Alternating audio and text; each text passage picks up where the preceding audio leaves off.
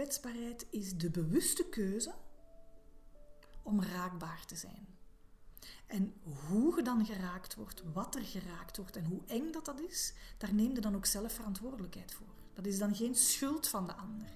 Het is iets waar je zelf voor gekozen hebt. En waarvan jij vertrouwt dat dat precies was wat moest geraakt worden. Het is blijkbaar wat nu moest gebeuren in je leven om verder te kunnen groeien. Welkom op de Echte Leiders Dansen podcast. Mijn naam is Gilles Renders en ik begeleid leidinggevende ondernemers en coaches in het verwezenlijken van hun diepste potentieel. Zelf ben ik een germaniste, theatermaker, psychotherapeute, coach en moeder van een dochter. En ik houd van dansen, letterlijk en figuurlijk. Dansen als een alternatief voor vechten. Meebewegen met wat je pad kruist, in plaats van je te verzetten en jezelf uit te putten. Het is de uitdaging waar wij in 2020 collectief voor zijn komen te staan. Ontdek in deze podcast hoe jij bijdraagt aan de geboorte van een nieuw tijdperk, waarin vertrouwen en verbondenheid hun plek innemen naast de oude focus op winst en groei. Ontdek hoe jouw persoonlijke keuzes meer dan ooit van invloed zijn op de globale omwenteling. En ontdek hoe jij in een krachtige flow mee kan bewegen met wat er collectief gebeurt. Dans zo het leven waarvoor je bestemd bent. Het is tijd. Van harte welkom op deze nieuwe podcastaflevering met als thema de kracht van kwetsbaarheid. Wat wordt daar eigenlijk mee bedoeld met krachtige kwetsbaarheid? Wat levert het jou op als je dat meer zou kunnen toepassen in je leven en werk? En hoe doe je dat dan, krachtig kwetsbaar zijn? Ik heb alvast zelf aan de lijve ondervonden hoe er in mijn leven meer zelfvertrouwen, rust en moeiteloosheid ontstond. Vanaf het moment dat ik kwetsbaarheid meer ging integreren in mijn leven en in mijn werk als leiderschapscoach. Ook vandaag mag ik op verhaal komen bij Sophia Hooray, een collega en vriendin die ook begeesterd is door dit thema. Welkom, Sophia. Dank je, Jill. Sophia, voor we in het interview duiken, wil ik graag starten met een kleine bekentenis. Dadelijk. Benieuwd. dat wist jij niet? Nee, dat wist ik niet. Dit is de tweede opname. En wat ik wil zeggen is, het was eigenlijk een hels proces. wat er gebeurd is tussen de vorige podcastopname en, en vandaag, was eigenlijk een heel pittig proces. Hmm. Um, in welke zin? Dat je op voorhand dan beslist van ik ga een podcastreeks opnemen en je denkt ik bereid dat goed voor en dan doe ik dat wel even. Maar dat je dan toch merkt dat ik de dag erna, bij wijze van spreken, dat ik echt werd overvallen, onder andere door schaamte. Van wie denkt jij wel dat je bent om dit te doen en wat heb jij nu eigenlijk te vertellen? En eigenlijk, eigenlijk trok het toch ook op niks. Dus schaamte, perfectionisme. Ehm, ik kon alleen maar zien wat er niet was uh, wat er niet goed genoeg was. En voor je het weet wordt, wordt dat bijna van ik ben niet goed genoeg of zo. Hmm. Ja, ik vond dat eigenlijk heel pittig. Um, en, dat, en dat confronteerde mij eigenlijk, en daarom vertel ik het, met de kwetsbaarheid van zo'n van zo'n project. En je denkt, ja, een podcastje, hè, iedereen doet dat wel. Maar het is toch iets dat u bezielt. En vanaf het moment dat u echt bezielt, wordt het kwetsbaar. Hè? Ben nog altijd helemaal niet zeker of deze opname ooit online gaat worden gesmeten. Maar dat wou ik even zeggen. Ik vond het echt niet makkelijk. Hmm. En dat maakt dat ik er nu ook weer, uh, ja, dat ik er ook wel weer kwetsbaar bij zit. Zo. Ja. Daar hangt precies zoveel van af. Goed, ik wilde het delen omdat het wel iets te maken heeft met dit thema. En uh, dat waren mijn eigen woorden. En ik ga nu even mijn toevlucht zoeken bij de woorden van iemand anders. Uh, een, uh, een Oostenrijks dichter en toneelschrijver, hè, Peter Handke. Ik heb nog een achtergrond als theatermaker en in der tijd vond ik dan een fantastische, een beetje donkere eh, schrijver. En zoals dat dan gaat als je een podcast maakt, ergens ineens vallen uw ogen op een tekstje waarvan je denkt, dit is misschien het begin van de aflevering de kracht van kwetsbaarheid. Zo gaat het. Breng je werk in gevaar. Wees niet de hoofdpersoon. Zoek de confrontatie, maar doe het opzettelijk. Vermijd bijbedoelingen, verzwijg niets. Wees week en sterk. Wees slim, steek je nek uit en veracht de overwinning. Kijk niet toe. Bewijs niets. Maar blijf in alle tegenwoordigheid van geest open voor tekens. Laat je ogen zien. Laat anderen erin kijken. Zorg voor ruimte. En beschouw ieder in zijn eigen perspectief. Beslis alleen met hartstocht. Hmm. Hmm. In tekst doet me eigenlijk een beetje huiveren. Hmm. Het is heel erg uit de comfortzone natuurlijk. Hè? Hmm. Ja, absoluut. En als je zegt uit de comfortzone, hè, dat is helemaal waar kwetsbaarheid voor mij over gaat. Zeker krachtige kwetsbaarheid. Er bestaat volgens mij geen kwetsbaarheid in de comfortzone.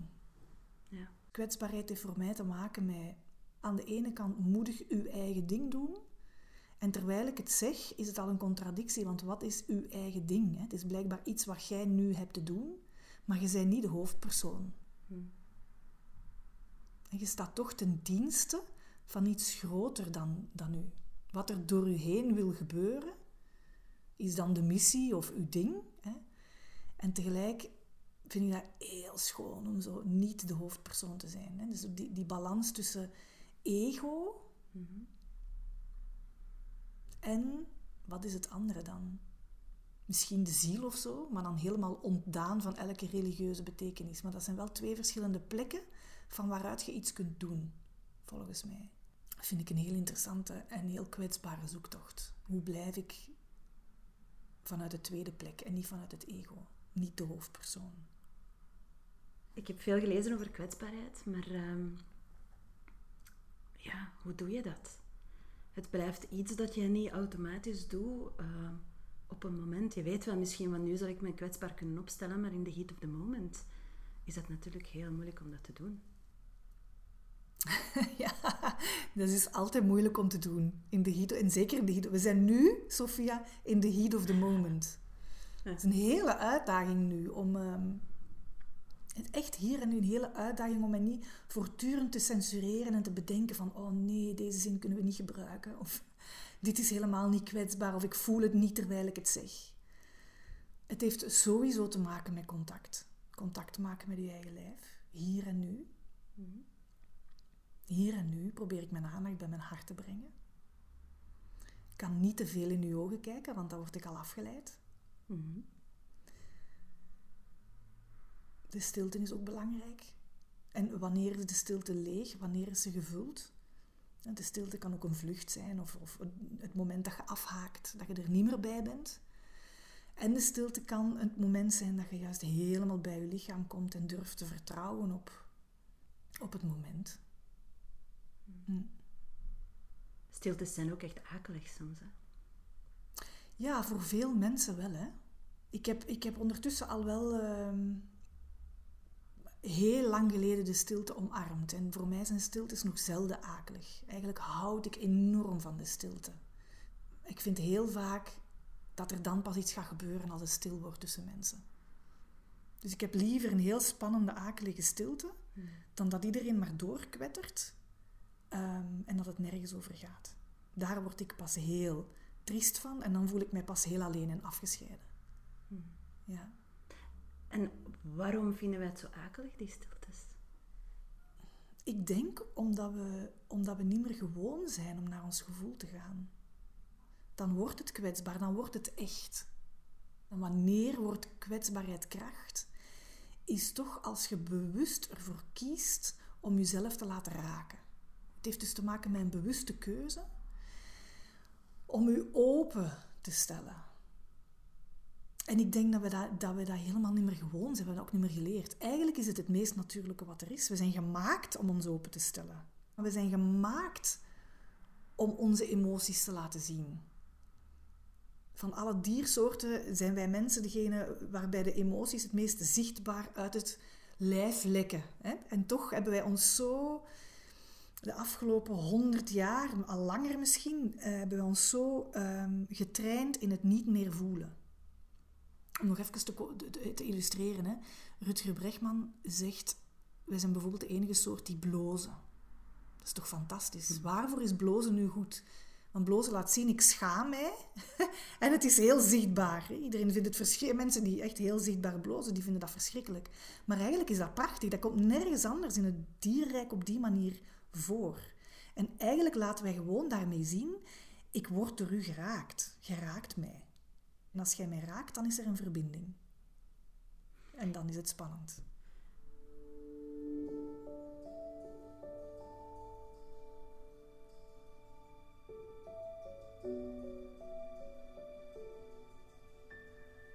Ik zie kwetsbaarheid uh, vooral als iets heel eng. Mm Maar misschien heb ik een nieuwe definitie van nodig. Wat, wat is eigenlijk kwetsbaarheid? Wel, ik heb geen prefab definitie waarvan ik denk, daar zit nu alles in. Hè. Maar wat, wat wel in mij opkomt is... Kwetsbaarheid is de bewuste keuze om raakbaar te zijn. Dat komt in mij op. Dus de bewuste keuze, jij beslist zelf dat je wilt geraakt worden, dat je moogt geraakt worden. Dan wordt kwetsbaarheid kracht, want het is uw keuze. En hoe je dan geraakt wordt, wat er geraakt wordt en hoe eng dat dat is, daar neem je dan ook zelf verantwoordelijkheid voor. Dat is dan geen schuld van de ander. Het is iets waar je zelf voor gekozen hebt. En waarvan, ook een belangrijke, waarvan jij vertrouwt dat dat precies was wat moest geraakt worden. Hoeveel pijn dat het ook doet. Het is blijkbaar wat nu moest gebeuren in je leven om verder te kunnen groeien. En dan is kwetsbaarheid altijd kracht. En kan er geen misbruik meer gemaakt worden van het feit dat jij één emoties toont, toont wat er wil, hè, dat, dat jij transparant bent in wat er in jezelf leeft, maar ook geen misbruik van het feit dat jij de moed elke keer opnieuw opbrengt om te doen wat jij te doen hebt. Al is dat iets doen dat zo kwetsbaar is als een podcast maken. Nee.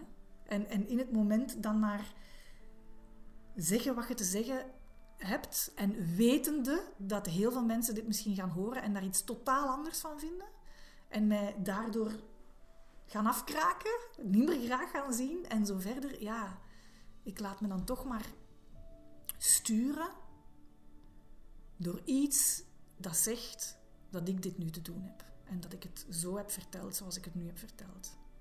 En daar zal ik dan rust in moeten vinden. en ik ga proberen om mij daar niet opnieuw voor te schamen zoals ik bij de eerste opname deed.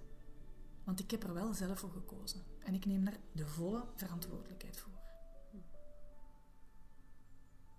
Jij zegt nu krachtig kwetsbaar. Maar in onze maatschappij is dat misschien ook een beetje een paradox. Ben jij krachtig als je kwetsbaar bent? In onze maatschappij is dat zeker een paradox. Absoluut. Zo jammer, in onze maatschappij wordt kwetsbaarheid geassocieerd met zwak. Dom. Naïef. Daar wordt misbruik van gemaakt en zo verder. Dat zegt natuurlijk veel meer over onze maatschappij dan over het al dan niet krachtig zijn van kwetsbaarheid. Wat is er allemaal niet verloren geraakt in onze maatschappij, omdat we leven in een cultuur waarop je afgerekend wordt als je eerlijk en open en transparant bent? Hoe jammer is het toch dat we, zeker hè, sinds het naoorlogse kapitalisme, zijn opgevoed in een sfeer van wantrouwen, in elkaar bekijken fundamenteel als een concurrent. Dus die, die hele diepe cultuur van wantrouwen zit zo in ons systeem uh, heeft, heeft op een bepaald moment welvaart gebracht, maar keert zich nu totaal tegen ons. Want dat maakt dat we ons nu hebben afgescheiden van ons, van ons, van ons gevoelsleven. Hè, door het niet meer in contact te brengen met anderen. En als je maar lang genoeg het niet meer in contact brengt met anderen, zijn er ook zelf niet meer mee in contact. En word je dus bang van zoiets natuurlijk als stilte.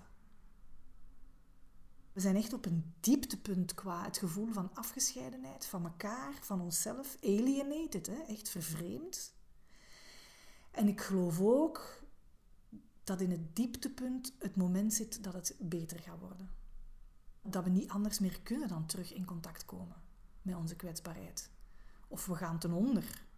Um, hè, social media is nu Instagram, het is allemaal zo doorgeslagen in ehm, ik laat het beste van mijzelf zien. Ik zet er letterlijk en figuurlijk honderd filters op. Dat het er zo goed mogelijk uitziet. Dat je gewoon niet meer in het echt durft buiten komen of je niet meer durft tonen. Want het, het, het echte, de waarheid, de, de, de natuurlijkheid, ehm, daar gaan we ons dus voor schamen. Hmm. Ja, dat, kan, dat kan zo niet meer verder. En ik voel en vandaar ook deze podcast, gevoeld tegengeluiden nu wel ontstaan. Uh, als, ik even, als ik even een vertaalslag maak naar uh, de coachingswereld, of de, de, het, het, het, coach dan leidinggevende. Het leidinggeven vanuit kwetsbaarheid is echt wel iets waar nu aandacht aan wordt gegeven. Zo. En, en leidinggevenden voelen ook dat het niet anders kan. De nieuwe generatie werknemers die aan het opstaan zijn, dat zijn mensen die willen gaan voor echtheid. Die willen bijdragen in hun job. Die willen een stem hebben. Die willen contact hebben met de anderen op de werkvloer, maar dus ook met hun baas. Als die baas zich blijft verschuilen achter een soort van, van, van ehm, masker of in een ivoren toren gaat zitten en een soort van onaanraakbaarheid en, en uh, zich boven zijn mensen plaatst, daar knappen heel veel werknemers, zeker de jonge generatie, hoe langer hoe meer op af. Dus elke leidinggevende heeft nu te zoeken naar een manier van echt contact maken. En dat kan niet zonder kwetsbaar te zijn. Dat kan niet zonder moedig te zijn. Wat ik ook een mooie vind, is als een leidinggevende in zijn kwetsbaarheid staat, dan gaat hij van een positie van macht naar een plek van kracht. Macht heeft te maken met, met, ego, met status, met mijn plek. En vanuit deze plek heb ik deze bevoegdheid en mag ik dit en dit en dit tegen u zeggen of van u vragen of met u doen. En dit en dit en dit niet.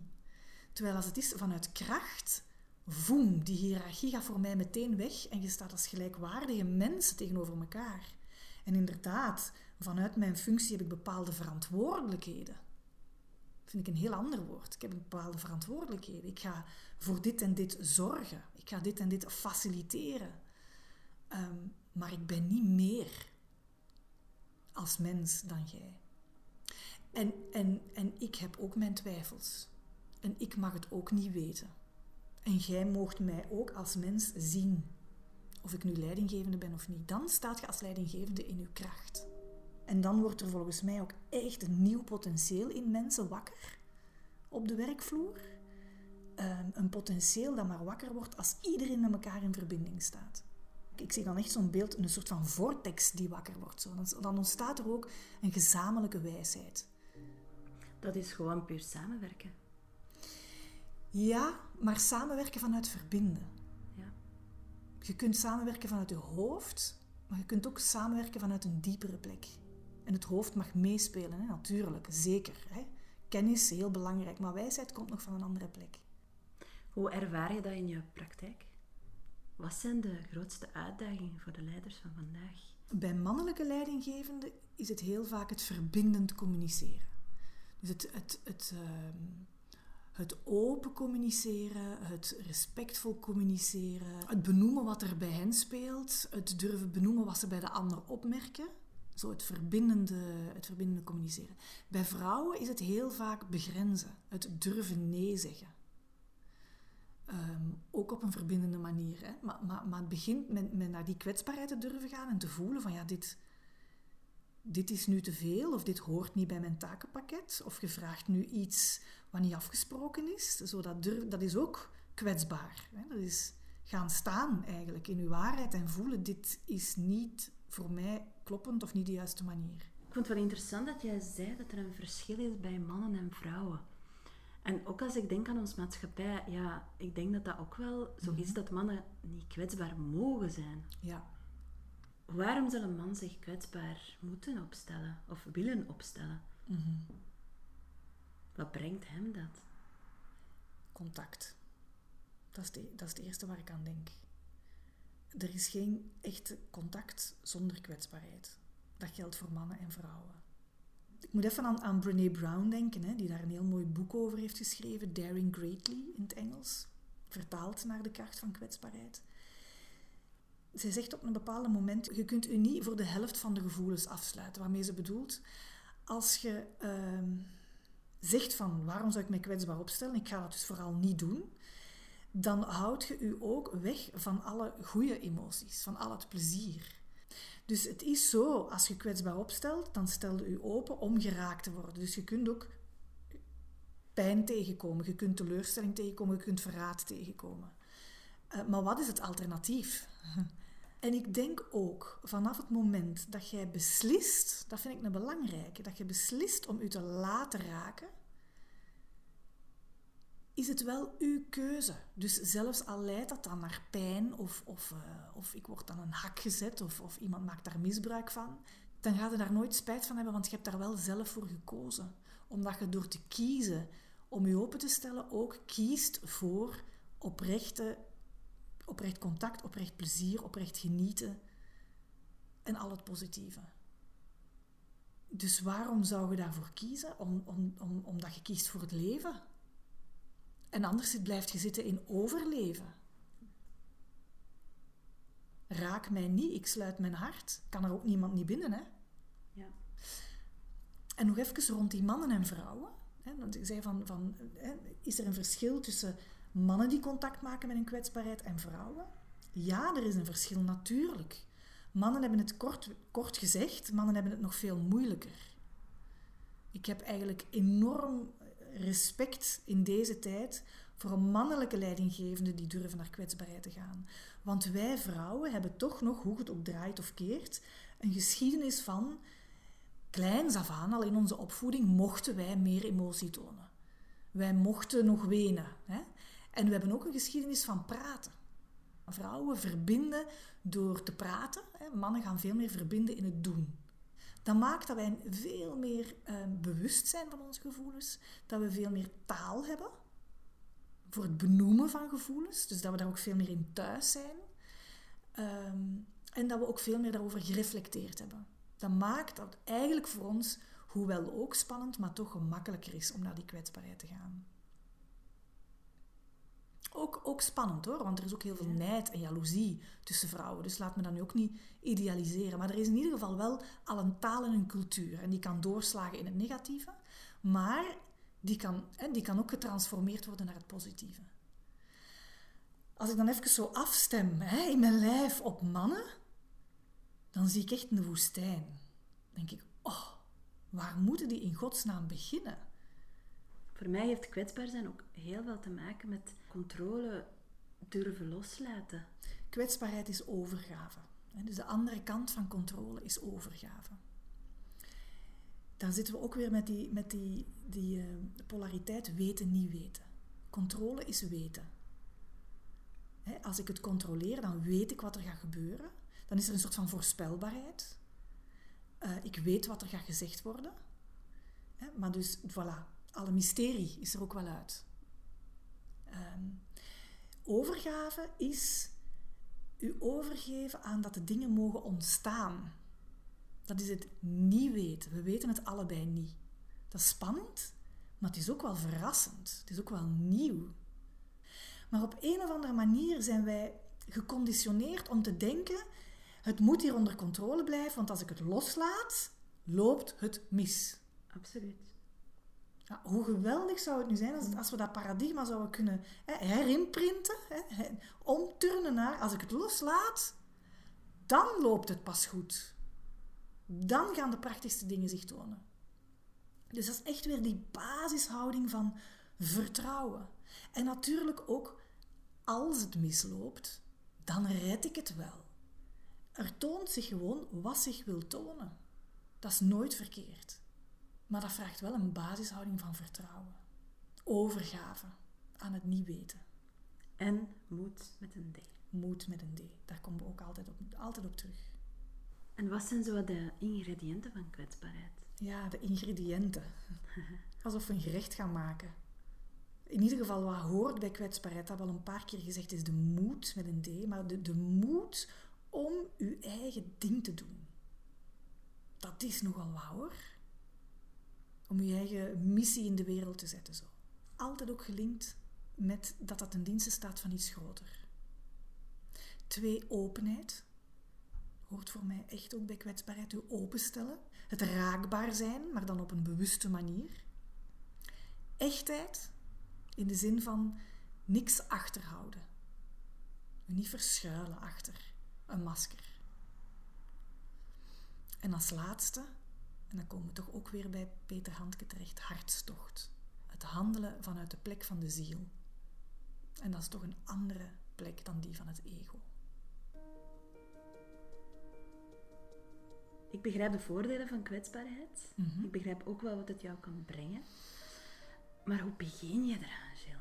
Allee, wat zijn zo wat de zaken die ik thuis kan doen om Mhm. me te verplichten, want ik ga me moeten verplichten, kwetsbaar op te stellen? Dat is wel interessant dat je dat zo zegt. Voelt dat zo van verplichten? Zo, als- Dat is, dat, is, dat is niet mijn natuur. Ik wil dat, ik wil dat heel erg, maar dat is zeker niet mijn natuur, dus ik moet er bewust mee omgaan. de stilte opzoeken. Super concreet. Niet zo moeilijk. Het is een beetje een trendy woord, hè, maar eigenlijk is mindfulness super natuurlijk, super effectief en super eenvoudig. Je gaat gewoon zitten, je sluit je ogen en je gaat met je aandacht naar je lichaam. En dat mag echt vijf minuten zijn, tien minuten, dertig minuten of een uur, hè, maar vijf minuten is al genoeg. Vijf minuten. Je gaat dus zitten je doet je ogen dicht en je voelt eerst je voeten op de grond. Je kunt dat nu doen. Hier en nu kunnen we dat doen. Zwaar, hè? Dat is wat ik eigenlijk voortdurend doe in dit gesprek zo.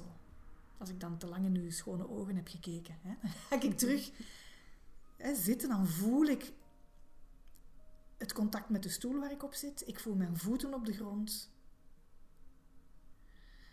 Ik voel mijn buik. En ik adem. En je volgt het ritme van je eigen ademhaling. Gewoon een paar keer. En je blijft daarbij. En natuurlijk worden afgeleid door gedachten. Dat gaat niet direct. En elke keer merkt je op, ah ja, ik word afgeleid door een gedachte. Niet erg. Je merkt het op en je gaat dus terug naar die ademhaling.